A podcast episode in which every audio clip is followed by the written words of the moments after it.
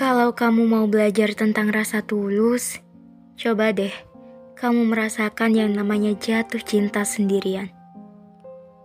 Kamu yang sengaja menjatuhkan hati tanpa alasan. Kamu yang senantiasa mendoakan dari kejauhan. Kamu sudah tahu bahwa resiko jatuh cinta yang paling sial adalah perasaan yang tidak berbalas. Namun, hebatnya kamu pintar menyembunyikan perasaan itu. Kamu juga pintar menguburkan perasaan itu dalam-dalam. Sampai pada akhirnya, kamu tahu bahwa dia sudah menjatuhkan hatinya pada orang lain.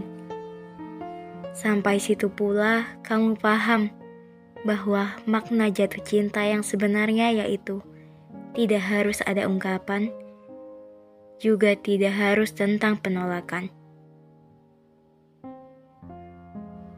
Hanya bisa mendoakan, memendam, dan menguburkannya dalam diam.